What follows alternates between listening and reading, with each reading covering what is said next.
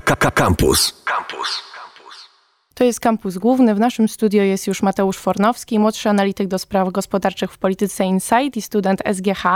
Porozmawiamy o środku transportu, który w trwającym sezonie letnim i ogólnie przez cały rok wydaje się niezbędny. Porozmawiamy o lotnictwie, które można powiedzieć, że umożliwiło nam tak bardzo, bardzo łatwe i tanie e, stosunkowo podróże w ostatnich latach, ale niestety e, ten sektor spotkał się z kryzysem właśnie związanym z pandemią COVID, który można powiedzieć, że um, wyzerował wszystkie loty na jakiś czas. E, natomiast teraz powoli wracamy do życia i lotnictwo także wraca do życia. Może ta pandemia e, nie skończyła się do końca i problemy także nie skończyły się do końca w związku z pandemią i nie tylko. Rozwijają się, jak wiemy, nowe legislacje związane z emisjami. Właśnie o tym chciałam porozmawiać. Witam cię bardzo serdecznie, Mateusz. Dzień dobry, dzień dobry Państwu. Pierwsze pytanie, chciałam Cię zapytać, jak wyglądała sytuacja linii lotniczych, jak wyglądała sytuacja, kiedy wybuchła pandemia? Wyglądała fantastycznie. To 2019 rok to był rok wszelkich rekordów w lotnictwie, e, zarówno w Polsce, jak i na świecie. Linie przewiozły najwięcej pasażerów w historii. E, no i ten trend e, wskazywał na to, że następne lata będą, będą jeszcze lepsze. E, no można tutaj przywołać chociażby na polskim podwórku oznakę tego trendu w postaci pomysłu na budowę centralnego portu komunikacyjnego, czyli portu, który miałby obsłużyć e, zdecydowanie więcej pasażerów niż wszystkie obecne lotniska w Warszawie mhm. razem wzięte. No ale. No jak tak, wiemy, Okęcie już nie dawało rady, więc. Tak, tak. E, były plany na rozbudowę tego lotniska.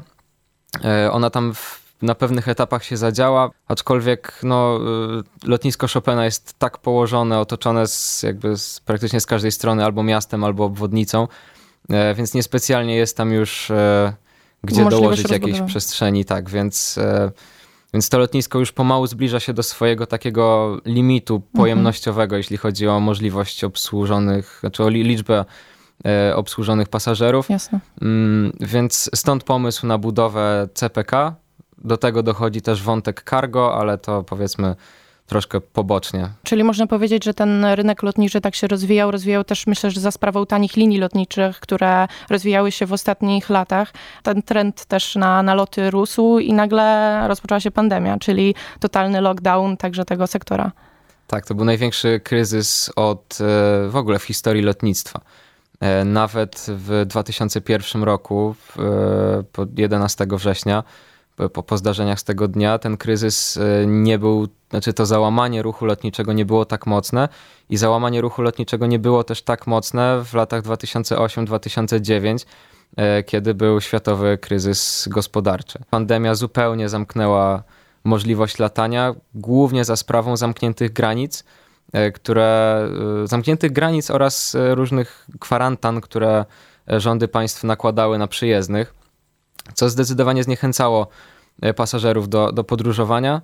A co z przewoźnikami? Co z przewoźnikami? Czy oni e, bankrutowali, czy jakoś przytrzymali te kilka? Bo właśnie e, trzeba podkreślić, że ten kryzys związany z pandemią trwał kilka miesięcy, o tak jak po 2001 nawet. roku i po, po ataku na World Trade Center. Można powiedzieć, że to był taki mm, spadek na, na chwilę, tak? Ludzie się przestraszyli, pewnie odwołali loty, po prostu byli przerażeni sytuacją na świecie, a tutaj jednak e, trwało to bardzo długo i taki, taki twardy lockdown e, trwał kilka miesięcy, można powiedzieć. Tak, no i pojawił pojawiły się problemy finansowe. To, to Przewoźników. Taka, tak, dosyć, dosyć oczywista implikacja tego zdarzenia. Wiele linii otrzymało pomoc publiczną, które mhm. tylko mogły, to, to korzystały z pomocy państwa, były nacjonalizowane. E, oczywiście były też, byli też przewoźnicy, którzy nie wytrzymali tej presji. E, między innymi taki brytyjski przewoźnik Flybe, mhm. e, linia o dużej historii w tamtym, w tamtym regionie. Mm, no ale generalnie to się opierało na pomocy publicznej, na różnych pożyczkach od państwa czy od innych organizacji, które teraz pomału są spłacane, mhm. chociaż, e, chociaż jeszcze troszeczkę linie potrzebują czasu, żeby sobie zrobić taką górkę, górkę pieniędzy, którą będą mogły już e, rozdawać z powrotem. No jasne. A... To znaczy jeszcze ta sytuacja po prostu nie jest na tyle dobra, mhm. ona się robi coraz lepsza, ale jeszcze nie, no jest, za, miałam... jest za mhm. wcześnie, żeby, żeby te linie mogły w pełni tak spłacać te swoje zadłużenia.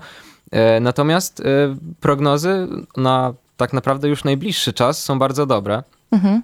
Jeszcze w sercu pandemii, to było gdzieś chyba w 2020, pod koniec roku, czy na przełomie 20 i 21, Eurocontrol i inne organizacje lotnicze prognozowały, jak ten ruch będzie wracał do, do tych norm sprzed pandemii. No i te prognozy, one były podzielone na kilka scenariuszów. Pesymistyczne zakładały, że ten ruch nigdy nie wróci do tego poziomu, który był w 2019 roku, mhm. że to już była taka wartość maksymalna. maksymalna w ogóle w historii, że też pandemia zmieni na stałe nawyki pasażerów i tak, w ogóle pamiętam, całej branży. Pamiętam tak, takie tak. obawy, że czy, czy właśnie pandemia oznacza, że przestaniemy latać, ale chyba I, jednak nie. I właśnie okazuje się, że nie.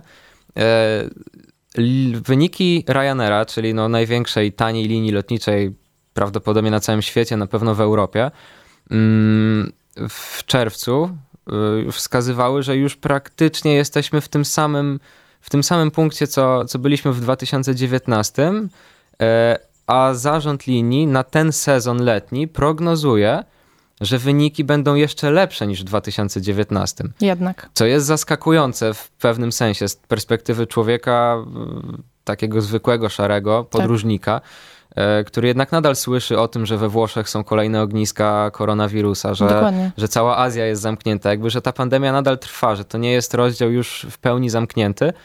Mm, a jednak e, to, ta potrzeba podróżowania, tak, mm, ona się zbierała przez ostatnie dwa lata w ludziach. E, wybierali często podróże krajowe, żeby jakoś tak zabezpieczyć się. Tak Mm, na wypadek chociażby nawet zachorowania Żeby na, szybko na móc, wró- móc wrócić tak, dokładnie ale że innym będą środkiem w transportu. kraju, że będzie im jakby łatwiej też pewnie finansowo znieść ten czas y, kwarantanny i, i tych innych różnych y, komplikacji Oczywiście. związanych z zakażeniem. Mm, no więc ten, ten ruch już teraz wraca pomimo też trudnej sytuacji gospodarczej, to, to, to, to, mogło, mogło wskazywać jakby na przykład podwyżki stóp procentowych E, i te wszystkie głosy, że, że budżety gospodarstw domowych są coraz mniejsze, e, że to zniechęci ludzi do podróżowania. A jednak Na razie wydaje inny. się, że jest zdecydowanie lepiej, o czym też świadczą wyniki niektórych e, biur turystycznych. Na przykład Rainbow Tours przekazał w raporcie, że to chyba nawet jest wiadomość z dzisiaj, przekazał, że właśnie rezerwacje na sezon letni są wyższe niż w 2019 roku. E, rozmawialiśmy już o tym, że lotnictwo powoli się odbija, jeszcze nie doszło do tych swoich wartości sprzed 2019 roku. E, natomiast nadal czyhają pewne zagrożenia na ten cały sektor i przemysł. Tutaj pomyślałam sobie, że takim zagrożeniem może być to, że firmy przeniosły się e, w przestrzeń online, można powiedzieć. To znaczy na początku latano samolotem na podróże biznesowe, a teraz rozmawiamy na Teamsie. Tak, dokładnie. Spotkania, spotkania biznesowe z, z tylko górną częścią garderoby. To jest teraz standard mhm. e, relacji relacji w biznesie tak. prawdopodobnie. E, to prawda, ograniczone zostały delegacje służbowe, loty, różne, znaczy na spotkania negocjacyjne i tak dalej, i tak dalej. E, zwłaszcza w skali międzykontynentalnej. Tym bardziej, że to też generowało zawsze większe koszty niż takie podróże regionalne w czasie pandemii wiele, wiele firm z różnych sektorów e, skarżyły się na pogorszenie kondycji finansowej, więc musiały mhm. też te koszty gdzieś ciąć. E, poza tym przede wszystkim nie było takiej możliwości ze względów administracyjnych, zdrowotnych. E, chodzi mi o zamknięte granice, o tak. kwarantanny, o brak możliwości spotkań. Oczywiście. Jak to się odbija na lotnictwie? No, w dosyć istotny sposób. Nie odbija się w aż takim stopniu na tanich przewoźnikach, mhm. E, którzy są raczej nastawieni na ruch turystyczny, o czym też świadczy... Tak, na takie weekendowe wypady tak, w różne city miejsca. breaki, tak, na dokładnie. wakacje. E, tym bardziej, że latają głównie w miejsca nastawione na turystów, niekoniecznie do głównych centrów biznesowych mhm. w regionach. Mm, natomiast tradycyjni przewoźnicy, tacy jak chociażby Lufthansa, Air France, e, tutaj ten model biznesowy był troszeczkę inny. To znaczy, E, w tych liniach były takie ekskluzywne programy lojalnościowe. Te linie należą do różnych sojuszy międzynarodowych, e, więc e, było nastawienie na klienta biznesowego. I był podział, prawda? W, tak, w i, i, w samolocie też jakby linie oferowały odpowiednie produkty pasażerom, mhm. bardziej ekskluzywne, bardziej premium, czyli między innymi klasa biznesowa, w niektórych liniach pierwsza klasa, czy klasa ekonomii premium która często też z powodów takich e, finansowych w firmach była wybierana. Oczywiście. Żeby gdzieś tam pracownika dodać mu prestiżu, ale też nie wydać za dużo i żeby odpowiednio to rozliczyć Jasne. podatkowo na przykład. I później przez pandemię po prostu te miejsca zaczęły się robić puste, można I powiedzieć. Te miejsca zaczęły się robić puste. Jeszcze w czasie pandemii na fotelach, w ogóle kiedy były puste samoloty, to włożono kartony ze sprzętem medycznym mhm. jako taką formę wyjścia, wyjścia z tarapatów, aczkolwiek ten ruch biznesowy nie wraca tak szybko jak ruch turystyczny i to też e, potwierdzały dane IATA, e, takim, takiego międzynarodowego zrzeszenia przewoźników lotniczych więc sytuacja tych linii tradycyjnych jest e, gorsza. Oczywiście, tak jak powiedziałeś, Ryanair się szybko odbija jako tania linia właśnie bazująca na tych krótkich lotach, e, takich właśnie do turystycznych miejsc, a takie linie lotnicze jak chociażby nasz e, polski lot może mieć trochę kłopotu, bo z tego co ja kojarzę, y, po prostu kojarzy mi się, że w locie właśnie latają głównie biznesmeni, osoby, które lecą gdzieś do, do firm, oczywiście także turyści, ale, ale dużo jednak było tych osób podróżujących stricte biznesowo, a teraz to się kończy. Tak, było sporo, chociaż oczywiście to też zależy od konkretnej trasy. Jasne. Są trasy chociażby na, na lotnisko London City, e, czyli typowe lotnisko w centrum miasta. To jest to małe takie. Takie malutkie mhm. na takiej wyspie. E, no tam lecieli głównie biznesmeni, bo dla turystów e, to, było, to był za drogi wybór. Oczywiście. Taniej było wybrać albo low cost na Stansted czy na Luton albo polecieć lotem na, na Heathrow. No I tutaj jest zagrożenie właśnie, że tak naprawdę ten ruch, e, można powiedzieć, przedsiębiorców czy, czy po prostu osób, osób pracujących w dużych firmach może być e, na zawsze zawieszony, no właśnie przez to, że okazało się, że, że no nie trzeba lecieć, marnować czasu, marnować pieniędzy, e, marnować też, można powiedzieć, możliwości środowiska, zanieczyszczając jakoś, to też wpisuje się w politykę wielu firm, e, tylko można po prostu się połączyć na Teamsie e, od razu w parę minut i, i porozmawiać ze sobą normalnie. Tak, e, wideokonferencje i taki styl prowadzenia spotkań na pewno zostanie na stałe jako, jako jedno z narzędzi prowadzenia biznesu. Chociaż osobiście wydaje mi się, że ten ruch biznesowy i tak będzie wracał. Tylko może po prostu w innym tempie. Na pewno w innym tempie, yy, aczkolwiek człowiek nadal pozostanie człowiekiem i będzie potrzebował tych relacji. Kontaktu. Poza tym, yy, no teraz wracają już różnego typu konferencje yy, międzynarodowe, biznesowe gdzie widać jak na dłoni, zwłaszcza po tych dwóch latach pandemii, że networking jest olbrzymią siłą i, i bez tego trudno prowadzić biznes, a trudno też uprawiać networking tylko zdalnie. Jasne, bez kontaktu ludzkiego, więc tak. myślę, że to po prostu trzeba połączyć. Ale tutaj już poruszyłam ten temat właśnie środowiska i wpływu lotnictwa na środowisko. Uważam, że to jest um, szczególnie ciekawe, interesujące i też ważne, bo cały świat się dekarbonizuje. No, znaczy może nie cały świat, jest to zbyt optymistyczne stwierdzenie, ale chociażby patrząc na Unię Europejską i Europę, e, na te wszystkie trendy i też legislacje związane z dekarbonizacją e, gospodarek, to też dotyka lotnictwo. I właśnie chciałam cię zapytać, w jakim stopniu, jakie są prognozy tego, no więc e, na pewno jest bezpośrednio w Unii Europejskiej jest e, duża, duża presja ze strony właśnie organów unijnych i prawa unijnego, żeby wprowadzać kolejne normy, maksymalne normy emisji, emisji zanieczyszczeń CO2. CO2. Mm, I linie do tego będą musiały się zaadaptować, tak naprawdę już muszą się adaptować, żeby uprzedzić te, te, te, te kamienie milowe, te deadlines mhm. E, w prawie, które będą następowały w najbliższych latach.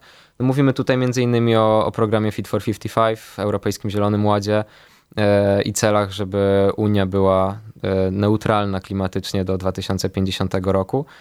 Mm. No ten właśnie przemysł lotniczy był włączony od razu w te wszystkie sektory w systemie EU ETS, czyli w systemie handlu emisjami i, i właśnie się zastanawiałam, ponieważ on nie ma tak e, oczywiście ma wpływ, ale nie ma aż tak ogromnego wpływu jak na przykład przemysł ciężki czy energetyka, tylko to jest około tam 2% w skali tak, świata, tak. w Europie to jest chyba 1,5%, e, także troszeczkę mniej, ale jednak no, kojarzy nam się, że samolot e, zasilany po prostu na paliwo e, jest bardzo emisyjny i tych emisji po prostu daje dużo w trakcie krótkiego lotu.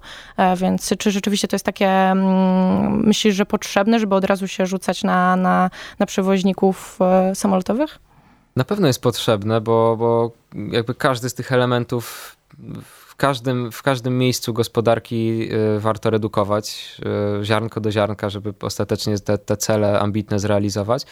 Natomiast y, pytanie o, o moment tych zmian. Czy, czy teraz czy to echo pandemii, które nadal wybrzmiewa, w, zwłaszcza w budżetach tych przewoźników, czy, czy sytuacja wojny e, za wschodnią granicą. To jest odpowiedni moment. To, to jest odpowiedni moment, żeby już w tym momencie tak drastycznie e, wprowadzać te zmiany, no bo one są na pewno przede wszystkim dużym obciążeniem finansowym mhm. dla linii lotniczych E, a jednocześnie też będą obciążeniem dla pasażerów, no, którzy są... będą musieli za to zapłacić więcej. I tu rozmawialiśmy o Unii Europejskiej i tym prężnie można powiedzieć, że rozwijającym się systemie EU ETS, który nakłada właśnie opłaty e, także na lotnictwo, oprócz na przemysł i, i tak dalej, to tutaj także jest lotnictwo.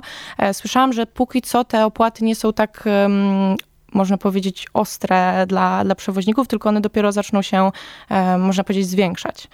Tak, te programy są no, tak zaplanowane, żeby stopniowo wdrażać kolejne, kolejne punkty z, tego, z, z tych zasad, z, z, tego prawa i żeby te opłaty stopniowo były coraz mocniej narzucane i te normy emisji były jakby obniżane stopniowo z roku na rok. Tutaj też e, mówiliśmy o tym, że właśnie ten moment nie był do końca odpowiedni na rozpoczęcie, to znaczy odpowiedni. Mówi się, że nigdy nie ma odpowiedniego momentu na tak duże zmiany, ale akurat tutaj była pandemia, która tak mocno uderzyła, no oczywiście w każdy przemysł, ale w lotnictwo przede wszystkim, przez to, że właśnie się zatrzymało kompletnie, no ale kiedyś trzeba to zrobić, prawda? Chociaż z drugiej strony była to też dobra okazja dla linii lotniczych, żeby ten moment spokoju, nazwijmy to spokojem, e, zainwestować w troszkę w rewitalizację swojego też wizerunku, mhm. E, generalnie zainwestować w klimat. E, między innymi linia Finer mm, w czasie pandemii zakupiła, zaczęła jakoś tak bardziej się angażować w, w biopaliwa. Mhm. Mm, więc wykorzystała ten moment, żeby przyspieszyć to przystosowanie się do nadchodzących zmian. E, gdzieś starając się w tym upatrywać takiej przyszłej też szansy biznesowej. No oczywiście, bo nie możemy, ostatecznie nie zatrzymamy przecież ruchu lotniczego, tylko trzeba znaleźć rozwiązanie dla, dla właśnie tego sektora, które pomoże latać samolotom niskoemisyjnie, tak? Więc tak. tu rozumiem, że są prowadzone badania na ten temat, na temat właśnie e, biopaliw i innych syntetycznych e, tak, zasilania po prostu. Popyt na nie rośnie wraz ze zbliżaniem się kolejnych y, tych punktów na, na osi czasu, jeśli chodzi o wprowadzanie y, nowych przepisów klimatycznych. Mm, natomiast wcześniej rozmawialiśmy jeszcze o pandemii i o pomocy publicznej dla linii. E, to się też wiąże w pewnym sensie w niektórych miejscach e, z tematami klimatycznymi. E, linie Air France dostały od rządu francuskiego tam granty i pożyczki, generalnie pomoc publiczną. Ona chyba opiewała na 7 miliardów euro, ile dobrze pamiętam. Mm, I no była na preferencyjnych warunkach. Mhm. Te, te pożyczki były w takich taki, w taki dobry sposób zaprezentowane, żeby, żeby przewoźnik po prostu mógł się utrzymać. Mm, natomiast jednym z wymogów e, uzyskania tej pomocy była deklaracja ze strony linii, e, że w najbliższym czasie będą ograniczać loty krajowe. A, to jest e, właśnie tak, ciekawy Na rzecz właśnie. przewoźników kolejowych i w ogóle mhm. przewozów koleją. Czyli po prostu eliminujemy te krótkie loty tak przykładowo z Warszawy do Gdańska, z Warszawy do Krakowa, na rzecz właśnie kolei. Tak, praktycznie no, zeroemisyjnej czy niskoemisyjnej, to też oczywiście zależy skąd w danym kraju jest energia elektryczna. No, oczywiście. No, to tak zupełnie inaczej oczywiście. jest we Francji, inaczej jest w Polsce. Um, aczkolwiek w, w Europie właśnie, w Unii Europejskiej, widać też taką tendencję, żeby y, jakby samoloty na tory mhm. E, przerzucać. To KLM chyba, prawda? E, z Też, Holandii. Lufthansa. Mhm. Generalnie jest, jest tego coraz więcej i będzie coraz więcej. Mm, też ze względu na duże takie lobby właśnie aktywistyczne, klimaty, klimatyczne. No i po prostu naciski legislacyjne tak, i społeczeństwa. Ale też zwiększający się komfort podróży koleją i kolejne inwestycje, chociażby w Polsce teraz z Krajowego Planu Odbudowy E, mają powstać, e, ma powstać pierwsza kolej dużych prędkości e, na centralnej magistrali kolejowej. Które po prostu ułatwi. Tutaj tak. ograniczymy ten czas na lotnisku, który spędzamy na kontroli bezpieczeństwa, czy wychodząc z samolotu. Po prostu właśnie kolej jest o tyle, ma przewagę, że się wsiada w jednym punkcie w tak. centrum tak. miasta, wysiada w innym mieście też w tym centralnym punkcie, więc... No i podczas całej podróży ma się dostęp do... Internetu do, do, do, do sieci, chociażby telefonii tak. komórkowej. No wiadomo, że w pociągu. Różnie bywa, ale, no, ale no nie jesteśmy jest, w powietrzu, to, tak. jesteśmy bardziej tutaj z ludźmi przy ziemi. Oczywiście, a czy przewoźnicy, czy to jest tak, że mm, to kraje fundują właśnie te koleje i to dla nich przychody, po prostu przychody są dla, dla kraju, dla krajowych przewoźników, czy raczej, bo czytałam tutaj właśnie o KLM-ie, że to oni zainwestowali we własne koleje e, i, i tak jakby te, oni nie tracą na tym tak dużo, bo po prostu zamieniają właśnie mhm. samolot na kolej, i, i, a pociągi są ich. Bo, bo tutaj pojawiła mi się właśnie taka lampka. No dobrze, no, lot może zrezygnować z tych krótkodystansowych lotów, no ale oni mogą na tym stracić po prostu po ludzku. To jest specyfika już danego kraju i struktury własnościowej tych podmiotów transportowych, zarówno kolejowych, jak i lotniczych. Rozumiem. Na zachodzie jest więcej prywatnych przewoźników kolejowych. W Polsce jeszcze nie przywykliśmy do tego. Mamy nasze dobre polskie PKP. E, tak Jasne. troszkę z, czasami z przekąsem mówiąc. E, ale też tu, rozwijające się oczywiście. Tak, ale zupełnie inna jest struktura własnościowa tego. Jasne. I, I, chociaż lot też nie jest e, jakby, no jest powiązany z, z, ze skarbem państwa w Pewnie. jakiś sposób, więc tutaj gdzieś by też ze sobą to prawdopodobnie współgrało. A no, co z tanimi liniami w takim razie? Co z tanimi liniami w perspektywie tych opłat emisyjnych, właśnie tego trendu, o którym mówisz, że e, te krótkodystansowe loty jednak będą minimalizowane i, i zmieniane na coś innego, na inny środek transportu. Tak jak rozmawialiśmy, tanie linie lotnicze bazują właśnie na tych krótkich dystansach. Rzadko się raczej zdarzy, żeby latały gdzieś dalej, tylko właśnie przykładowo mówiąc tutaj o Europie, mamy te krótkie połączenia międzymiastowe, właśnie na te city breaki sławne. No i w takim razie co z nimi? Co z nimi w przypadku opłat, skoro one są tanie, czy one przestaną być tanie? Tutaj mamy na lotach krótko i średnio dystansowych, tak mhm. bym to powiedział. E, no bo te, te, te trasy tanich linii lotniczych do głównych kurortów turystycznych, chociażby nad Morzem Śródziemnym, tutaj w europejskich realiach, mm, to ja myślę, że trudno je będzie zastąpić w najbliższym czasie jakoś dosyć szybko pociągiem. Mhm. To znaczy nie do wszystkich turystycznych lokalizacji nad Morzem Śródziemnym e, Można czy do innych turystycznych miejsc będzie się dało dojechać tak wygodnie pociągiem z różnych miejsc Europy, e, jak, e, jak serwuje to Ryanair obecnie, czy Wizz Air, czy inni tani przewoźnicy. Mm, natomiast no to już mogą nie być aż, aż tak tanie linie lotnicze. Oczywiście. Znaczy one prawdopodobnie no, na, na tym bazują cały swój model biznesowy, żeby, żeby stanowić olbrzymią konkurencję dla tradycyjnych przewoźników. Mm, natomiast te kolejne opłaty emisyjne będą najprawdopodobniej w dużym stopniu, o ile nie w całości, przenoszone na, na pasażerów. E, teraz mamy to w bardziej dobrowolny sposób, chociażby przez e, doklikanie przy kupnie biletu, że zgadzam się na to, żeby pokryć mój tam koszty Koszt. mojego śladu mm -hmm, węglowego. Mm -hmm. Po prostu to gdzieś będzie bardziej wplecione w cenę biletu.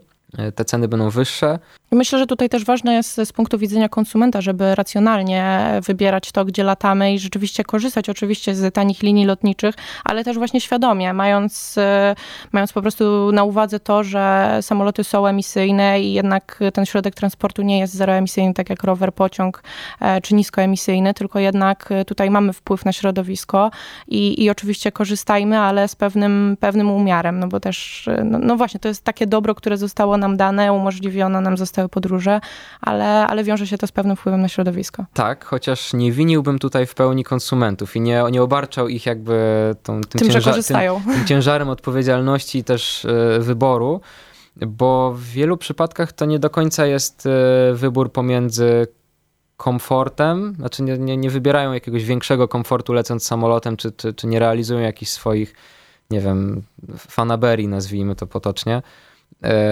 tylko decydują tutaj, decyduje tutaj cena. Oczywiście, która, no, jest, po prostu dużo niższa.